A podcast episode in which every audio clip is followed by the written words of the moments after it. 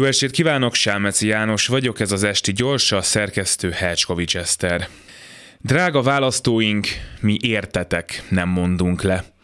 Nem mondhatunk le a parlamenti megszólalás lehetőségéről, hiszen azzal korábban is olyan sokra mentünk, egy-egy beszédünket akár egy millió ember is látta a Facebookon, akik később szavazhattak is volna ránk, csak hát nem szavaztak.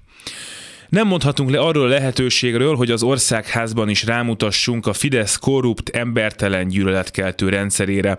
Ezért a következő négy évben is a parlamentáris demokrácia keretei között fizetésért kívánjuk bírálni az Orbáni diktatúrát. Csak a Fidesznek tennénk szívességet, ha kivonulnánk a parlamentből, mert akkor érdemi vita helyett néhány perc alatt fogadnák el azokat az elfogadhatatlan és botrányos törvényjavaslatokat, amiket így érdemi vitának átszázott bohózkodás után fognak elfogadni. Apropó bohózkodás, a következő ciklusban is rengeteg molinót, egyenpólót és burgonyát tervezünk bevinni a parlamentbe.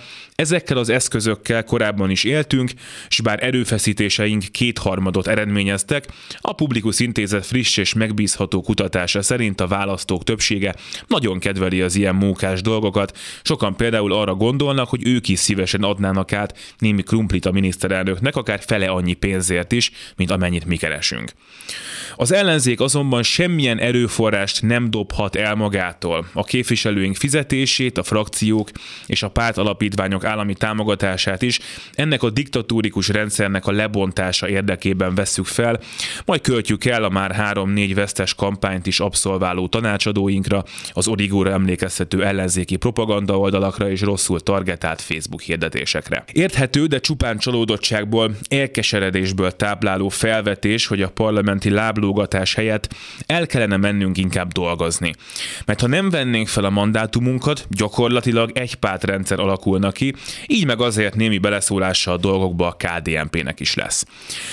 Természetesen alapjaiban kell újra gondolni az ellenzéki politizálást, amelynek csak egyik eszköze lehet a parlamenti munka. Így a továbbiakban is élni fogunk a mérges Facebook bejegyzések, a névszava cikkekből tartós sajtótájékoztatók és a médiában való panaszkodás nyújtotta csodálatos lehetőségekkel is.